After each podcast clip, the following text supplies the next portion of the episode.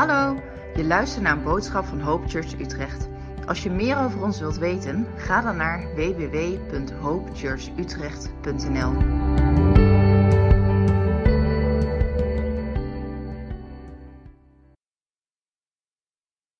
zitten, want ik denk dat we nu uh, langs me zeker uh, richting, uh, richting het woord gaan wat Wouter gaat delen. En Wouter, um, ik heb denk ik een half jaar geleden heb ik Wouter ontmoet. Hier in dit gebouw. We, hadden een, een, ontmoeting samen met Nieuw Frontierskerken hier in Nederland. Ja, het is een beetje een technisch ingewikkeld verhaal. Wij zijn dan weer Reaches Beyond, maar we vallen eigenlijk weer onder een groter geheel wat heet New Frontiers. En eigenlijk kan je zeggen, het is gewoon een, een een, broerkerk van ons, een broederkerk van ons. En we hadden hier een ontmoeting en ik ontmoette Wouter daar. Hij woonde op dat moment nog in Engeland, maar zijn inmiddels dus verhuisd. Uh, ik heb al een goede wandeling met hem gemaakt door het Nederlandse landschap. En hij merkte gewoon zijn passie en zijn, zijn honger voor Jezus, maar ook zijn passie voor de stad. De stad Utrecht in dit geval, maar ook gewoon voor erop uitgaan. En jongens, er is nog zoveel meer uh, wat God hier wil gaan doen in Nederland. En uh, ik heb hem gevraagd, ik dacht, weet je wat, ik moet meteen de koe bij de horens vatten. Ik zeg, wil je alsjeblieft ook gewoon bij ons langskomen? En wil je daar iets van delen? Want wij hebben dat ook nodig om, om onze horizon weer, te, ja, weer wat verder weg te leggen, die stip daar te zien en, uh, en gepassioneerd te worden. Ze zijn net begonnen, ongetwijfeld gaat hij straks nog veel meer van, uh, van vertellen. Maar uh, ja, ik ben gewoon super trots en blij dat hij, dat hij gekomen is samen met nog een heleboel andere mensen. Dus Wouter, zou je naar voren willen komen? en wat met ons willen delen. Graag, dankjewel. Voordat jij aan het woord mag, mag ik nog heel even kort iets zeggen. En dat is namelijk voor Hope Kids 3. Jullie krijgen, en dit is, dit is voor het eerst, maar jij wordt ook meteen beoordeeld. Ja? Jullie hebben namelijk hier uh, een, uh, een, een, formuliertje, kan je straks daar aan de zijkant pakken. Daar liggen ook andere papiertjes. Ik zie dat René al meteen bezig is, dus dat is heel goed. Die gaat een tekening maken, die gaat aan het eind van de dienst zien. Dat is mooi. Maar voor Hope Kids 3, jullie hebben hier een papier en daar staan onder andere vragen op.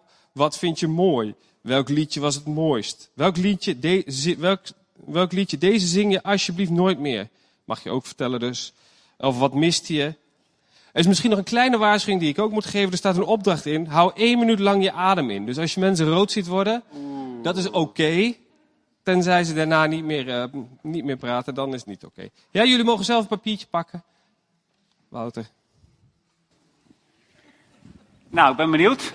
Uh, als je je adem één minuut in wil houden, zou ik je voorstellen dat nu te doen. en uh, dan hoef ik niet halverwege te stoppen om bezorgd naar je te kijken. Maar ja, hartstikke bedankt Jan Willem. heel leuk om hier te zijn. mijn naam is Wouter. ik ben een aantal weken geleden voor het eerst met Jan Willem door het bos heen gelopen. En nou ja, wat Jan Willem me niet verteld had, is dat hij echt een, echt een wandelaar is. Dus wij kwamen aan op dezelfde plek. En Jan Willem was helemaal in tenue wandelkleren en het was nat. Het was heel nat in het bos. En nou, ik leef al 2,5 maand uit mijn koffer. Het enige wat ik kon vinden was een paar sportschoenen en nou ja, een soort van warme trui. Dus we hadden een hele gezellige wandeling. Ik kwam na afloop thuis met zeiknatte voeten, maar wel een heel warm hart. en dat was een, een mooi, mooi moment. En, nou, heel fijn om hier te zijn. Ik wil jullie graag iets vertellen van onze reis en onze kerkplant in Nijmegen. En dat ga ik doen aan de hand van wat dingen in de Bijbel. En eigenlijk wil ik beginnen helemaal eventjes terug naar het begin. Vorig jaar in de zomer, toen we voor het eerst op, zoek, op bezoek gingen in Nijmegen. En ik weet niet of jullie wel eens in Nijmegen komen? Ja? Nijmegen, zou ik moeten zeggen. en mooie stad, prachtige stad. Wij waren er nog nooit geweest. Maar God had heel duidelijk gezegd, je moet naar Nijmegen. Dus nou, voordat we hè, onze hele hebben en houden inpakken, is het misschien wel goed om eens op bezoek te gaan. Dus wij hadden een groot huis gehuurd en samen met uh, Ben en Mieke en en Beverly, die samen met ons meekwamen, zijn we naar Nijmegen gegaan. dachten, ja, hoe kun je nou een stad goed leren kennen? Snel. En Auke had een prachtig idee. Hij zei, we moeten naar de kapper. Want de kapper weet alles. Dat klopt, hè? de kapper praat met iedereen. Dus ik dacht, nou ja, ik had toch een uh, knipbeurtje nodig. Ik denk, ik ga dat gelijk doen. Dus uh, wij naar de kapper. Uh, ik geloof dat uh, Auke ging naar Mr. Beard. en ik voelde me gewoon geïmponeerd door zijn baard. Dus ik ging eentje verder naar de Four Brothers. En ik ging zitten en ik kreeg een knipbeurt door Max. En Max was de kapper bij de Four Brothers. En ik zeg, Max, ik ben voor het eerst in Nijmegen. Vertel mij, wat is de stad? En nou, Max begon te vertellen over Nijmegen. En hij halverwege het gesprek vroeg hij de vraag mij, en wat brengt jou naar Nijmegen? Zegt, nou, ik ben hier om een, een kerk te starten. Een kerk. Wauw. Vertel meer. Nou vraag ik me af, als iemand jou die vraag zou stellen. Leg eens uit wat de kerk is. Wat zou je antwoorden? Waar zou je beginnen? Nou, ik ga het even makkelijk maken. Je mag heel even oefenen met degene die naast je zit. Wat zou jij zeggen als je de vraag krijgt, wat is de kerk? En als je je adem in wil houden, één minuut, mag je ook gewoon luisteren terwijl de ander praat.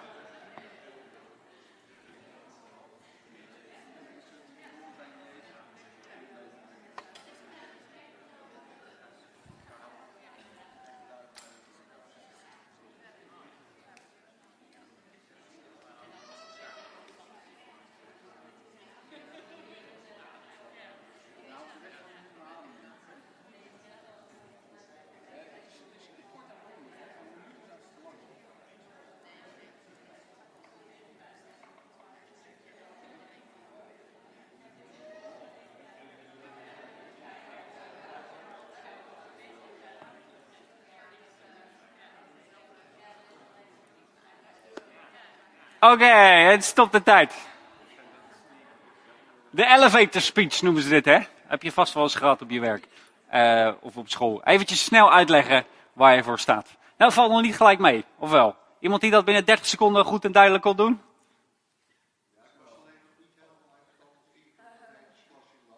Ja. Nou ja, hè? waar begin je? Een kerk. Je kan het hebben over het gebouw. Prachtig gebouw. Meeste mensen, als ze het woord kerk horen, denken ze aan een gebouw. Uh, je kan het over maatschappelijke betrokkenheid hebben. Dingen die je doet als kerk.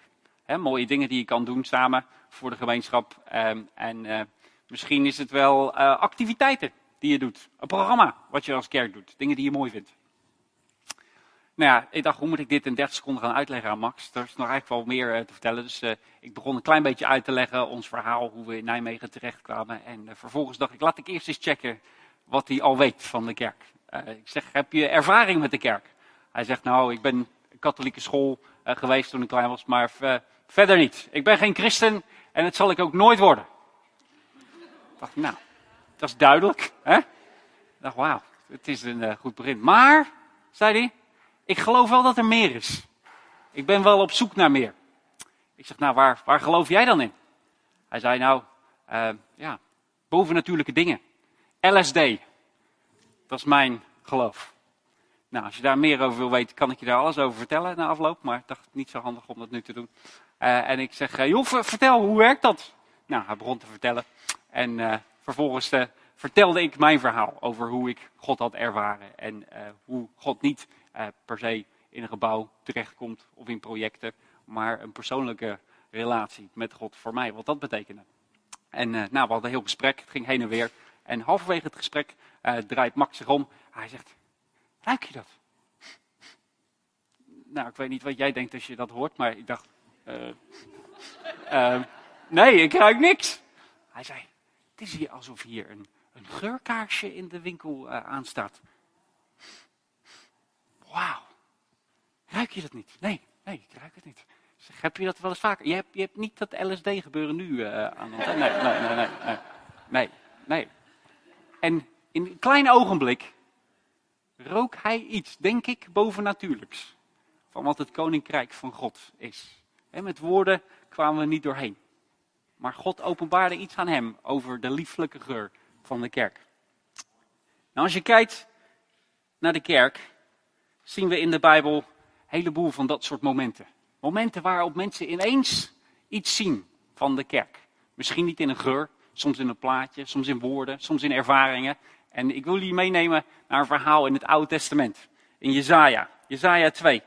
En Jezaja heeft ook een openbaring. Hij ruikt niet iets, maar hij ziet iets. Dus als je een Bijbel hebt, of een telefoon, kun je Jezaja 2 opzoeken. En ik wil met jullie hebben over de kerk in al haar schoonheid. In Jezaja 2 staat dit. Vers 2. Eens komt de dag dat de berg met de tempel van de Heer rotsvast zal staan, verheven boven de heuvels, hoger dan alle bergen.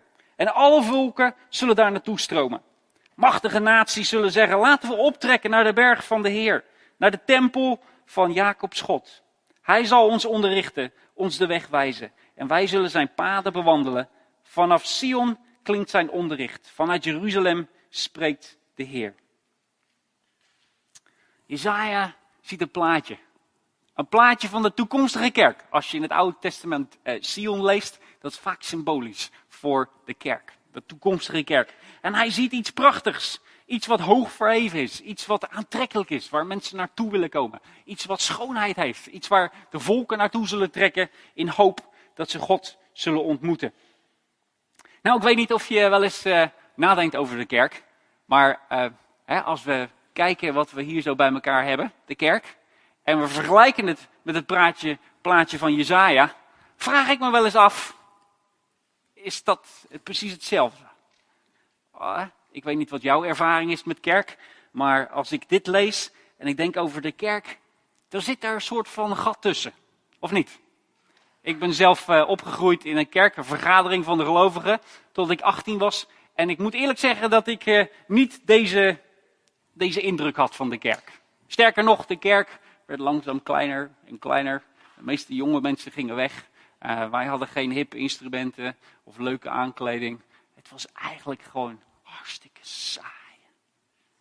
En ik begon wel een beetje over af te, te vragen eigenlijk. Wat is de kerk eigenlijk? Als je daarover na gaat denken. En toen leerde ik Simone kennen.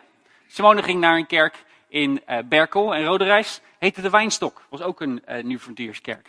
En uh, ze, nou ja, ze zei, kom eens op bezoek. Niet zozeer dat ik nou heel geïnteresseerd was in de kerk. Maar met name in Simone. ging ik op bezoek. En wauw, dat was even een shock to the system. Ik hoorde mensen in klanktaal spreken. Profeteren. Een gave band.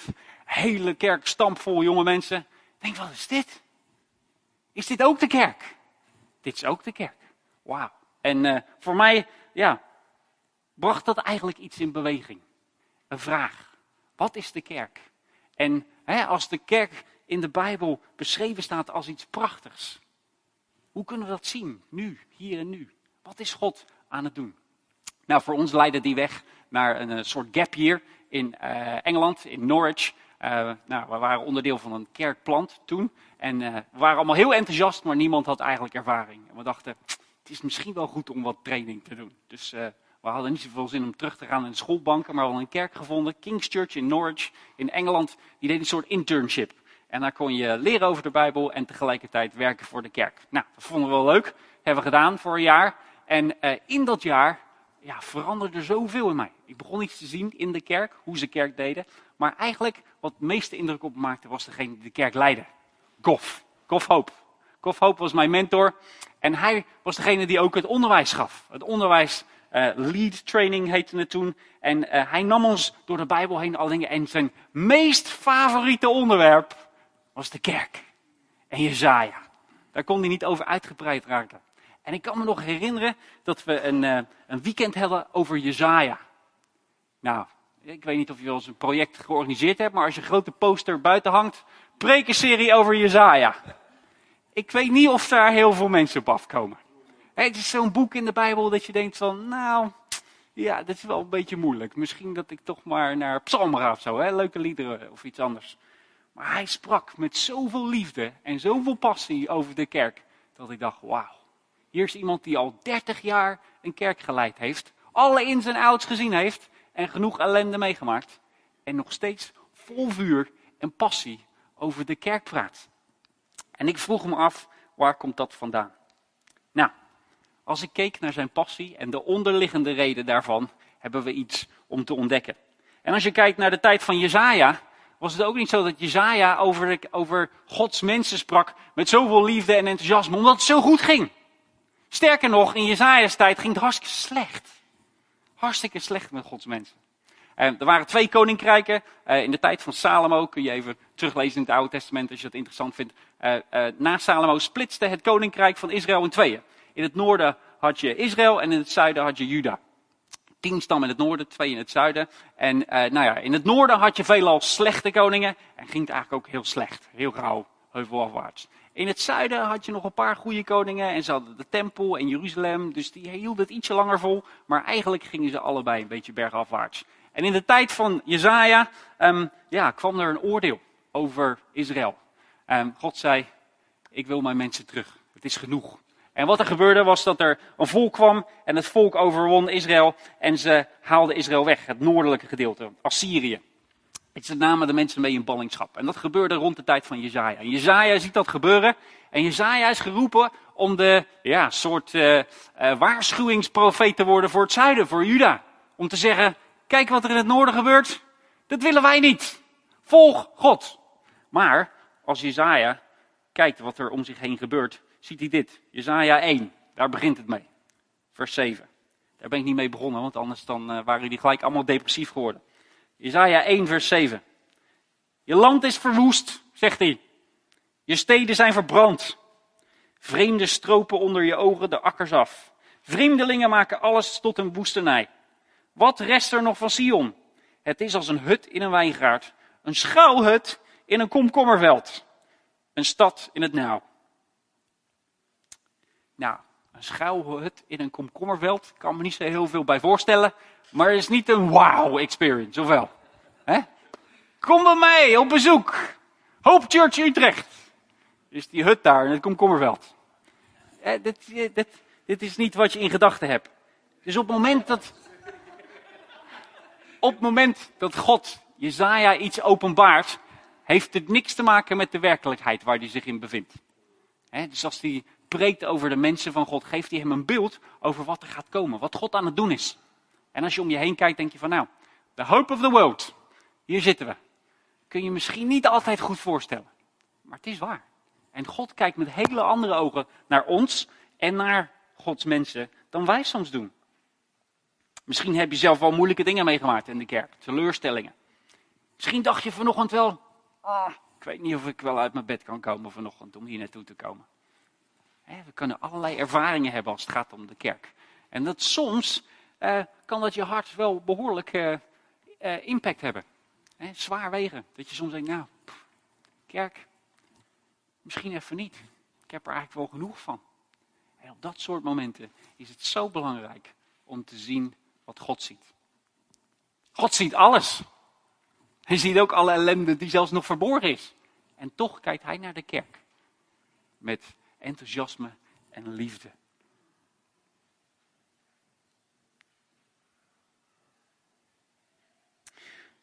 Uiteindelijk, eh, toen we onze uh, training hadden afgerond in, uh, in Norwich, we zijn vier jaar gebleven in plaats van één jaar. Uh, en we hebben al alle training afgerond, zijn we naar Peterborough verhuisd. Peterborough ligt in het centrum van Engeland, net boven Cambridge, als je een beetje bekend mee bent. En daar ben ik onderdeel geworden van het leiderschapsteam. Daar heb ik zes jaar lang mee ge, ge, geholpen om ja, eigenlijk een kerk wat helemaal op zijn gat lag, weer opnieuw op zijn benen te brengen. En daarna heb ik vijf jaar zelf het team geleid daar. En genoeg ervaring om alle ins en outs en alle shit in de kerk te zien. Genoeg ellende. En op dat moment, hè, als je elke steen ons erboven haalt, als je iets wat helemaal uit elkaar gevallen is, weer opnieuw op de been moet krijgen, dan krijg je wel even een reality check. Dit is de kerk. Nou kan je vertellen dat het in het begin niet zoveel was. Een hoop ellende, een hoop oneenigheid, een hoop gemekker, gezeur, hè, allerlei richtingen op. Uh, in het begin, als de mensen bij ons op visite kwamen, die kwamen door de deur, dan probeerden ze gauw mogelijk eventjes uh, langs zij te nemen om uit te leggen waar we naartoe gingen. In plaats van dat ze alleen maar keken wat er al was. De meeste mensen zouden gelijk weer de deur uitlopen als ze zagen wat er al was. En ik weet nog goed dat wij op het punt stonden om te beslissen of we wel of niet naar Peterborough zouden gaan. En Adam, mijn vriend, die uh, had daar het team overgenomen. En uh, wij zeiden, nou, we hebben eigenlijk onze handen vrij om je te komen helpen. Misschien is Peterborough wel een goede plek. Hij zei tegen ons, nou, kom eerst maar eens op bezoek. kom eerst maar eens kijken. Want het is geen gespreid bedje. Tenzij God tot je spreekt, weet ik niet of je hier wel wil zijn. Nou, hij deed niet echt een hele goede job om het te verkopen aan ons, maar wij gingen op bezoek. En ik kan je vertellen dat het echt de meest vreemde dienst was die ik heb bijgewoond. Ik had nog nooit zoveel rare mensen bij elkaar in één zaal gezien. Je kan gerust ademhalen. Uh, dat was echt het toppunt. Uh, we werden begroet door iemand uh, met een soort gastenboek. Dat was haar ministry. En dan kreeg je een kaartje met prachtige bloemen thuisgestuurd na afloop. Nou, dat was heel bijzonder. we zongen allerlei liedjes. Schijn Jezus, schijn. Uit, eh, uit de toon met een gitaartje. Het was, het, was, het was niet om over naar huis te schrijven. En uh, de andere helft van de mensen die keken geen, eens naar ons, die zeiden geen hallo. En uh, wij kwamen terug en we hadden een gesprek. En hij zei, ja, ik denk dat je wel kan zien dat hier nog een hoop werk te doen is. Ja, ja. En toch reden we naar huis. En er zat iets in ons hart. Wat we niet kwijt konden. Een enthousiasme. Tegen alles in. Voelden we iets borrelen in ons naar boven. Dachten, dit is de plek waar we moeten zijn. Dus we hebben besloten om ons hele hebben houden in te pakken, te verhuizen naar Peterborough. En daar kwamen we. Diepte ellende in. Gelijk. Er kwam een man, uh, die uh, een van de eerste weken, die kwam naartoe. Hij zei, ik vertrouw jou voor geen cent. En dat zal ik ook nooit doen. En die andere leider al helemaal niet. Ik zeg, oké, nou, misschien kunnen we daar eens over praten. We zaten een uur lang samen in een kamertje. En een uur lang heeft hij tegen me geschreeuwd. Ik denk, wauw, bijzonder welkom. Misschien kunnen we het volgende week nog een keer doen. Nou, volgende week kwamen we weer terug. Weer heel gesprek, een uur lang heeft hij tegen me geschreeuwd. Ik kom thuis, ik zeg tegen Spone, ik zeg, nou, ik weet niet of dit normaal is in Peterborough, maar zo gaat het nog niet echt lekker. Uh, derde week, weer gesprek. Ik zeg tegen Spone, als er niks gebeurt na dit gesprek, nou, dan ben ik er klaar mee. En weer een uur lang klagen, schreeuwen, mekkeren. Aan het einde zeg ik tegen hem, ik zeg, joh, het is eigenlijk wel bijzonder. Ik ben hier net heen verhuisd. Wij kennen elkaar nog niet. En toch lijkt het alsof je al boos op me bent. Hè? Ja, ja, zegt hij. Ik weet het niet. Normaal gesproken schreeuw ik tegen mensen en dan schreeuwen ze terug. En dan hebben we ruzie. En met ruzie kan ik wel omgaan. Maar dit niet. Ik zeg, joh, waar komt het eigenlijk vandaan? Nou, heel verhaal over vroeger. Mensen die een pijn gedaan hebben. Leiders die een pijn gedaan hebben. Ik zeg, nou, dat is wel vervelend.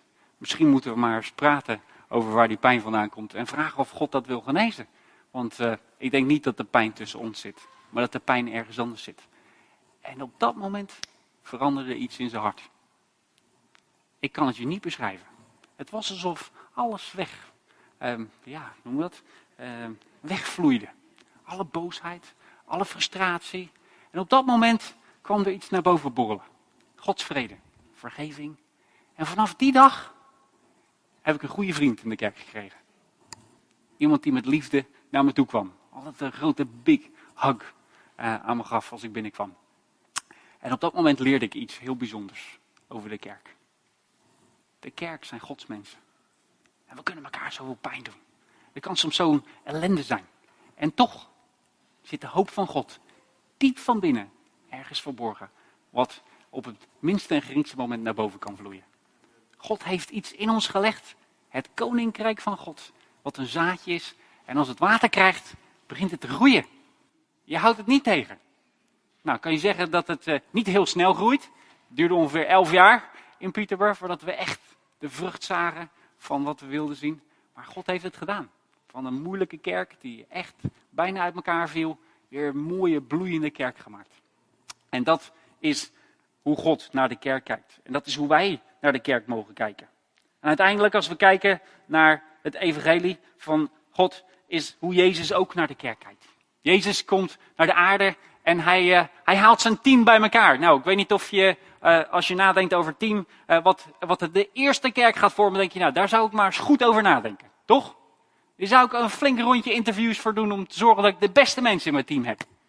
En dan kijk je welk team Jezus bij elkaar gevormd heeft. En dan zijn het allemaal mensen die helemaal niet perfect zijn. Thomas is een twijfelaar. Judas steelt uit de pot. En dan hebben we de, de zonen van Zebedee. Het worden de, de zonen van de donder genoemd, omdat ze constant met elkaar zitten te bekvechten. Uh, we zien uh, Petrus, die overal uh, een zootje van maakt en een grote mond heeft. Dit is het team waar God de wereld mee gaat veroveren. Ziet voor je? Nou, ik niet. En toch begint Jezus daar. Jezus had iets voor ogen wat niemand anders kon zien. En Jezus begon te bouwen en het begon te bouwen en hij werd helemaal favoriet en toen ging het helemaal mis. Niemand moest meer iets van hem weten. Al zijn discipelen vluchten, ze lieten hem allemaal in de steek. En op zijn diepste punt, toen hij aan het kruis hing, had hij nog steeds voor ogen wat God zag. Staat in Hebreeën 12, vers 2. Met de vreugde voor ogen die voor hem in het verschiet lag, heeft hij aan het kruis verdragen en de schande ervan ervaard. De vreugde voor ogen. Wat was de vreugde voor ogen voor Jezus? De kerk. Wij. Wij zijn de bruid van Christus. En in het diepste punt, toen iedereen van hem gevlucht was en niemand van hem moest weten, hing Jezus daar. En hij had de vreugde voor ogen. Jou en ik. Jij bent de vreugde van God. De vreugde van Jezus. Wat Jezus in gedachten had toen iedereen hem verlaten had. En als je naar elkaar kijkt en misschien soms naar jezelf kijkt, denk je, wauw. De hoop of Utrecht. Echt waar? Echt waar. Echt waar. Dat is wat Jezus voor ogen heeft. En als we kijken naar de kerk in ons land, dan is er nog zoveel te winnen. En we gaan er niet komen met prachtige uh, muziekinstrumenten of prachtige projecten of mooie gebouwen. Dit is niet wat Jezus voor ogen had toen hij het had over de kerk.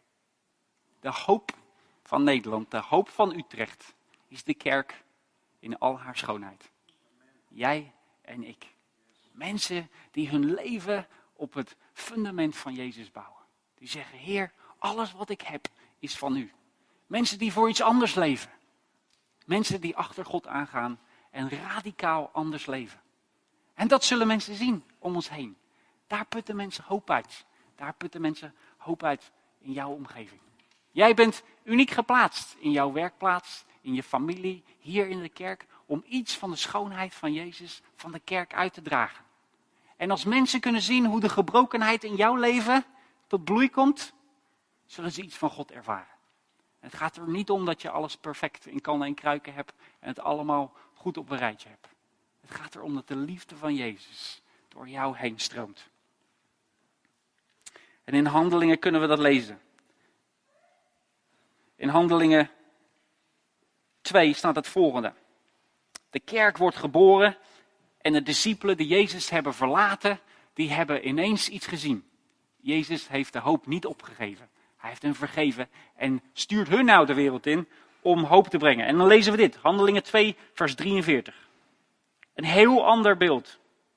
De vele tekenen en wonderen die de apostelen verrichtten, vervulden iedereen met ontzag. Alle die tot geloof gekomen waren, bleven bijeen en hadden alles gemeenschappelijk.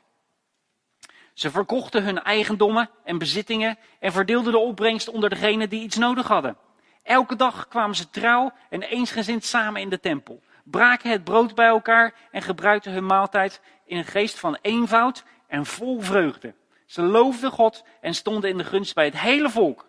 De Heer breidde hun aantal dagelijks uit. Steeds meer mensen werden gered. Dat is de kerk. In al haar schoonheid. De eerste kerk die geboren werd. Niet een kerk met een mooi gebouw. Niet een kerk met een mooi programma. Maar een kerk met mensen die van God hielden en van elkaar hielden. En alles samen deelden. als je denkt aan onze maatschappij, hoe radicaal is dat? Als we zo leven. Een prachtig plaatje. En ons verlangen is om ons zelf te geven aan de mensen om ons heen. Net zoals Jezus deed. Om die vreugde voor ogen te houden. op het moment dat het echt niet meer gaat. Op het moment dat je echt pijn gedaan bent. Of dat je het helemaal zat bent. Op je diepste punt. Nog steeds de vreugde voor ogen te houden die Jezus voor ogen had. Om nog steeds Jezus in elkaar te kunnen blijven zien. Zelfs als je elkaar niet meer wil aankijken. Dat is de hoop van deze wereld. De liefde van Jezus die overstroomt. Zodat we de kerk in al haar schoonheid kunnen zien oprijzen. Kijk je naar wat er huidig is of kijk je naar wat er gaat komen? Wat Jezus aan het doen is. En ons verlangen is om kerken over heel de wereld geplant te zien worden. Zoals deze kerken in Handelingen 2. En jullie zijn er al een prachtig voorbeeld van.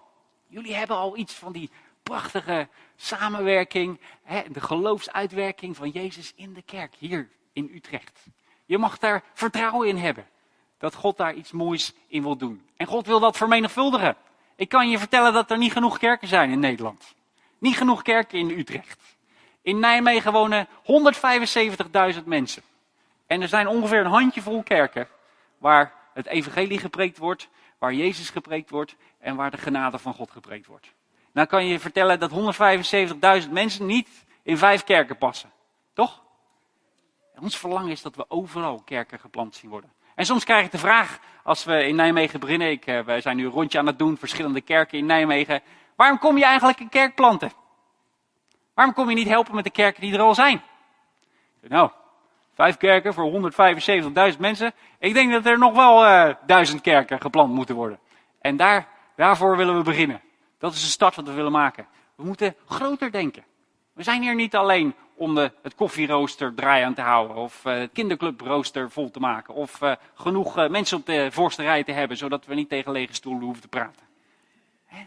Wij zijn het koninkrijk van God, de hoop van de wereld. Hope Church. Hope Church Utrecht. Jullie zijn de hoop van Utrecht. God wil iets door jullie doen. En in alle kerken worden prachtige dingen zichtbaar. En daar willen we mee samenwerken. We zijn niet de enigste. Maar we geloven wel dat God iets bijzonders heeft wat groeit. Iets wat zal bloeien. En uh, mijn verlangen is om kerken te zien opbloeien. Zoals mensen, zoals Max, die ik bij de kapper tegenkwam, binnenkomt. Niet iets bovennatuurlijks hoeft te ruiken. Maar iets kan zien met zijn eigen ogen. Hoe mensen met elkaar omgaan. Hoe kan het dat iemand uh, die op zoek is naar meer al besloten heeft dat het niet in de kerk te vinden is? Waarschijnlijk heeft hij genoeg ellende gezien in de kerk om te denken, nou, niet mijn pakje aan. En het is onze gelegenheid om daar verandering in te brengen. De manier waarop we met elkaar omgaan en hoe we achter God aangaan. En ik kan je beloven dat als we zo leven, dat mensen zoals Max binnenkomen lopen en hoop krijgen. Als zij het kunnen, dan is het misschien ook voor mij. Zo werkt het koninkrijk. Geen perfecte mensen, maar hoop. Een van mijn uh, favoriete quotes uh, was een uh, professor die eens beschreef hoe de eerste kerk eruit zag. Hij zei, er was eens een gemeenschap van gelovigen die zo toegewijd waren aan God, dat hun leven vol was van de kracht van Gods geest in deze hechte groep van volgelingen van Jezus. De mensen hielden van elkaar met een radicale liefde. Ze namen hun maskers af en ze deelden het leven met elkaar. Ze lachten en ze huilden en ze baden en ze zongen en dienden samen in een hechte gemeenschap. Degenen die meer hadden, deelden vrijgevig met degenen die minder hadden, totdat sociaal-economische verschillen wegebden. Mensen leefden in relatie samen op een manier die verschillen tussen man en vrouw en verschillen tussen nationaliteiten vierde en overbrugde. Handelingen 2 vertelt ons dat deze gemeenschap van gelovigen, deze kerk, mensen een manier van leven liet ervaren dat adembenemend mooi was. Het was zo krachtig, creatief, dynamisch, dat men er niet van weg kon blijven. Vers 47 vertelt ons dat God dagelijks mensen toevoegde aan deze kerk. Dat is onze hoop. In Relational Mission, de soort van uh, broer van, uh, uh, van jullie familiekerk, hebben we de visie om overal kerken te planten. In, in, in, in Engeland, in Europa, in heel de wereld. En ons verlangen is, we dachten, als je ergens een doel zet, waar begin je dan? We hebben een beetje lef nodig. Want als ze zeggen, ja, we willen meer kerken planten, hoe ziet dat er dan uit? We hebben een soort doel gesteld dat we eh, in het jaar 2050 in eh, elk land van Europa 20 kerken willen planten. Dus er zijn ongeveer 50 landen. Nou, 20 kerken, dat is een uh, 50 keer 20. Iemand goed met rekenen? Duizend kerken. Ja? Duizend kerken in de komende 30 jaar. Dat gaat een hoop mannen en vrouwen vergen die met heel hun hart achter God aan willen gaan. Toch? Het lijkt onmogelijk. Maar ik ben niet gekomen om mijn leven te leiden voor iets wat mogelijk is. Ik wil leven voor iets wat onmogelijk is. Iets waar God voor nodig is. En onze hoop is dat we een heleboel mensen zullen zien die het lef hebben om te gaan. En um, uh, in Jezaja 6 zien we dat het verhaal van Jezaja voortvloeit. Hij heeft gezien wat er is, de huidige situatie van de mensen. Hij ziet wat er gaat komen. Dan ziet hij de grootheid van God. En vervolgens zien we dat God een spelletje met hem speelt. Jezaja 6 vers 8. Hij zegt, daarop hoorde ik de stem van de Heer zeggen, wie zal ik sturen? Wie zal ik sturen? Nou, in ons gezin is het wel eens als ik eh, vraag bij ons, eh, wie wil er een snoepje? Dan hoor je gelijk, ja, ik, ik, ik, ik, ik, ik. Ja? En uh, Nou, denk ik dat hier een soort van hetzelfde gebeurt. God zegt, uh, wie zal ik sturen? Jezaja staat hier vooraan. God doet een spelletje met hem. Wie zal ik sturen? Hij doet net alsof hij Jezaja niet ziet. En hier staat Jezaja. Uh, ik! Ik! Ik! Ik! Lezen verder. Wie zal ik sturen? Wie kan er namens ons gaan? En Jezaja zegt, hier ben ik! Hier ben ik! Hier ben ik! Stuur mij! Stuur mij! Vers 9, toen zei hij, ga naar dit volk en profiteer. Ik vind dat een prachtig plaatje. Jezaja, de profeet.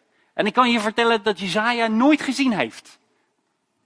In de huidige situatie, wat God hem liet zien op dat moment. Hij heeft niet meegemaakt dat het, het volk van God weer op die plek kwam.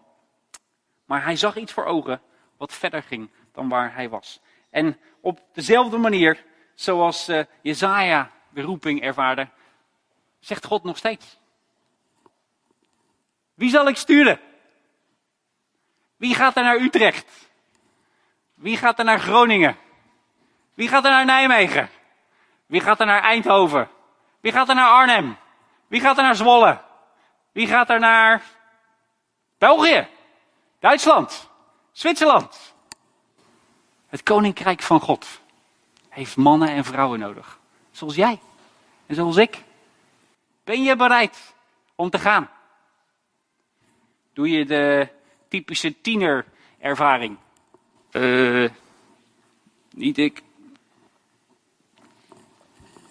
Of zit het kind in jou nog? Ja, ik, ik, ik, stuur mij! Beetje ongemakkelijk om zo over jezelf na te denken. Hè? Toen de roeping kwam voor ons om te gaan naar Nijmegen, um, was het heel duidelijk. God zei, ik wil dat je een kerk gaat planten. En het werd heel duidelijk dat het Nijmegen moest zijn. Als je daar meer over wil lezen, kun je onze website vinden en het verhaal daarachter horen. Maar het kost iets. Om achter God aan te gaan kost iets. Het kostte Jezaja alles. Het heeft ons veel gekost. We zaten zelfs tijdens de worship vandaag nog. Uh, toen we het nummer in het Engels zongen. Oh, we missen onze kerk in Engeland. Er zit een kostenplaatje aan. En toch, als God je roept, roept hij je voor iets wat veel en veel mooier is dan dat we zelf kunnen bedenken. Nou, om je heel eventjes uh, een klein idee te geven wat dat kost, heb ik nog twee andere mensen gevraagd om eventjes te komen vertellen wat het hun heeft gekost om hier te zijn. Is dat goed? Heb je daar nog tijd voor? Ik hoop niet dat je heel de tijd uh, je adem ingehouden hebt, want anders dan uh, gaan we er niet komen. Maar misschien willen Auke en Ben en Mika eventjes naar voren komen. Um, zij zijn ook met ons meegekomen en zij hebben ook alles opgegeven om naar Nederland te komen. En uh, ik wil eventjes vragen wat het jullie gekost heeft. Auke is geboren en getogen in Nederland. Dus uh, die kan dat netjes in het Nederlands doen. Uh, ben en Mieke die komen uit Engeland. Um, moeten we dat vertalen of begrijpen jullie Engels over het algemeen? Ja? Oké okay dan, prima. So, what has it cost you to go and come to the Netherlands? Uh, for us, it's the first time that we've lived outside of the UK, or for me anyway. You've got a slightly different story in terms of your family background. It means that my family, almost all of them, are still in England. Uh, we have a little son called Jasper, and he is my parents' first grandchild. So there's a real relational thing. There's a, there's a cost there to moving. And uh, the church family we have back home, friends through hockey clubs, neighbours, things like that. All of our closest friends are people that now live in another country for me.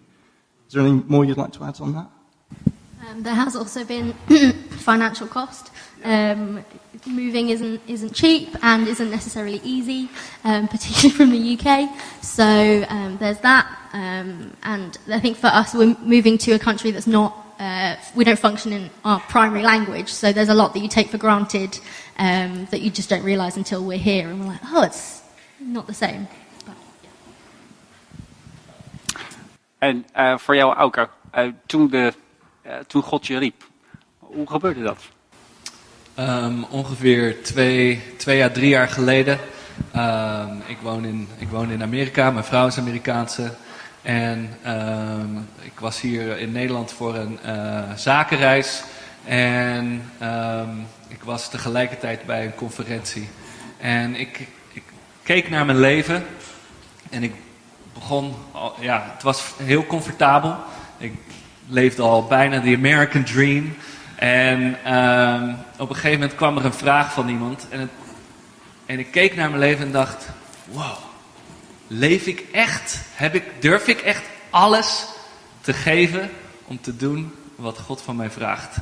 En toen ben ik naar huis gegaan, heb ik een gesprek gevo- eh, gevoerd met mijn vrouw. En toen dachten we: er moet verandering komen. Hoe kunnen wij ervoor zorgen dat we alles gaan geven eh, voor de Heer in plaats van comfortabel te leven en een goed leven te hebben? Hmm. So, what do you dream about? Being here, what would you like to see happen? Um, for me, I want to meet people of peace in Nijmegen who are ready to hear the gospel, who want to meet Jesus. Um, so I'm excited about meeting expats or Dutch people, international students, um, whoever we come across in Nijmegen to share Jesus with them. Yeah, uh, really similar. We love seeing community built. Uh, one of the things I most love about the church is that you can have people from all backgrounds, all nations, all ages, people who would otherwise have no reason to spend time together, and they're united by the gospel. That's something that translates incredibly well, whatever your language, whatever your interests. So I want to see that in terms of the church, and I want to see people growing in God, people who have encountered Him for the first time and see their lives totally changed, but also people who have known God to grow all, all the days of their life. One of the thing that, things that most impact me is when I hear stories of people who live in totally different settings to me, in a church that probably meets in different buildings, sings different songs, where I would feel quite different, and yet you hear stories of God being faithful on the other side of the planet. That reminds me how big our God is. So I want to see a little bit of that in the city that we live, where God has brought people from lots of different countries, nations, backgrounds together. That they're growing, that they're seeing their lives change day by day, and the same for us as well, you know, discipleship, mentoring. Yeah, that's what I want to see. En eh Auke, als, eh, als je alles wil inzetten voor het koninkrijk, wat zou je advies zijn voor de mensen hier? Een hele goede vraag. Ik denk ehm, allereerst is te horen van God. Wat, wat is de eerste stap die ik kan nemen om gehoorzaam te zijn aan wat de Heer zegt? Ehm, misschien betekent dat dat je ehm, iemand kan vertellen over Jezus. Misschien betekent dat ehm, dat je ehm, dat je meer financiën wil geven, meer tijd wil geven. Ehm, en, en op die manier eh, zal dat ook groeien. En het is toch naar je eigen leven te kijken. Oh, Heer, hoe kan ik gehoorzaam zijn? Hoe kan ik nou net dat stapje nemen waardoor ik, ja, waardoor ik het gevoel heb dat ik eh, toch weer gehoorzaam ben aan u. En daarin heel veel ehm, ja, vrijheid te ervaren. Het is niet zo van, geef alles weg. Soms wel. Soms betekent dat, geef alles weg. Soms betekent dat gewoon heel simpel. Misschien moet ik mijn buurman of buurvrouw eh, uitnodigen om te helpen, ondanks dat ik het zelf kan. Eh, misschien betekent dat mijn hulp aanbieden of gewoon tijd te maken voor iemand eh, die je tegenkomt. Hé, hey, hoe gaat het met je? Hmm. En eh, op die manier gehoorzaam te zijn aan wat God op dat moment voor jou vraagt.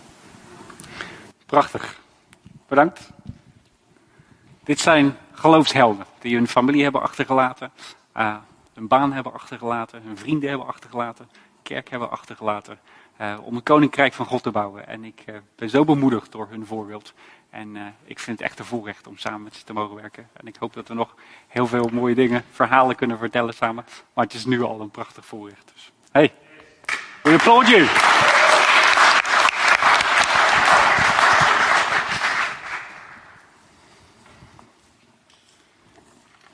En hoe ziet het er voor jou uit? Zo ziet het er voor ons uit.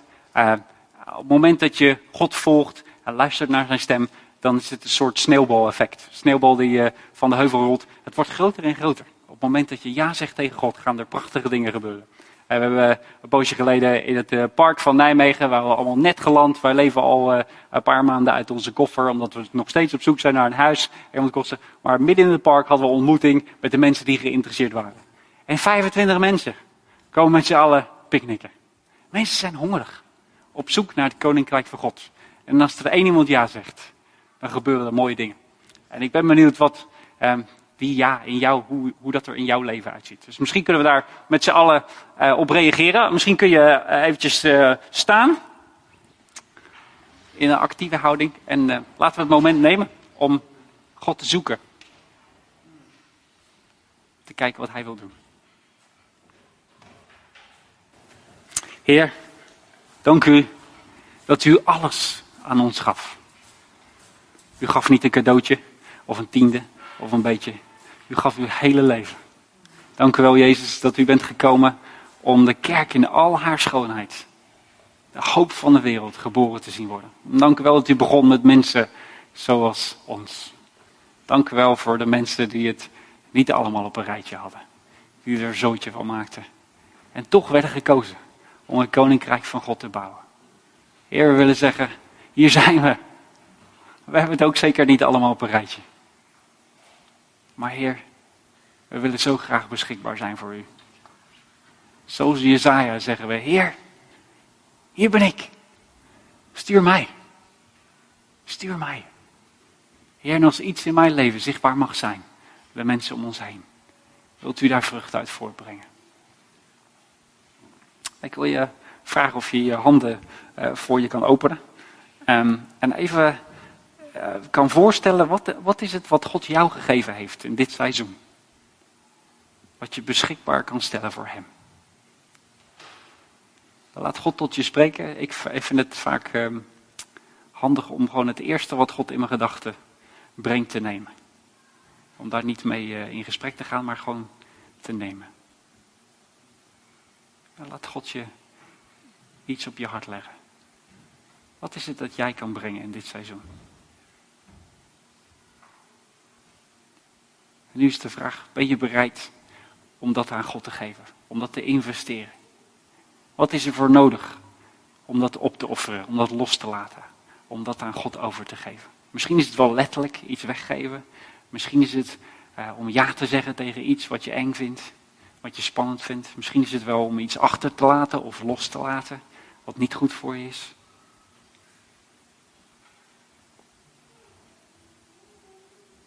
We kunnen hiervan verzekeren dat als je investeert in het koninkrijk, dat er altijd vrucht uit voortkomt. Heer, we willen aan u geven wat u ons gegeven hebt. Heer, alles wat we hebben is van u. Heer, mijn auto is van u. Mijn baan is van u. Mijn huis is van u. Alles wat ik heb, mijn gezin is van u. Mijn vrienden zijn van u. Heer, ik wil het allemaal ter beschikking stellen voor u.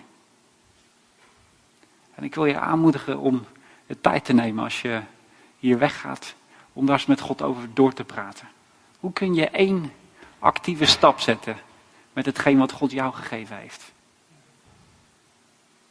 En doe dat stapje. Je kan misschien niet eh, de hele ronde lopen in één keer, maar neem een stapje. Misschien betekent het wel om je beschikbaar te stellen om te gaan. En laat God dan tot je spreken. Heer, ik wil bidden dat u nu op dit moment plaatsen, landen op ons hart zal leggen. Zodat we mogen gaan voor u. Zodat we overal de schoonheid van de kerk en heel ons land en heel deze wereld tot bloei zien komen. In Jezus' naam. Amen.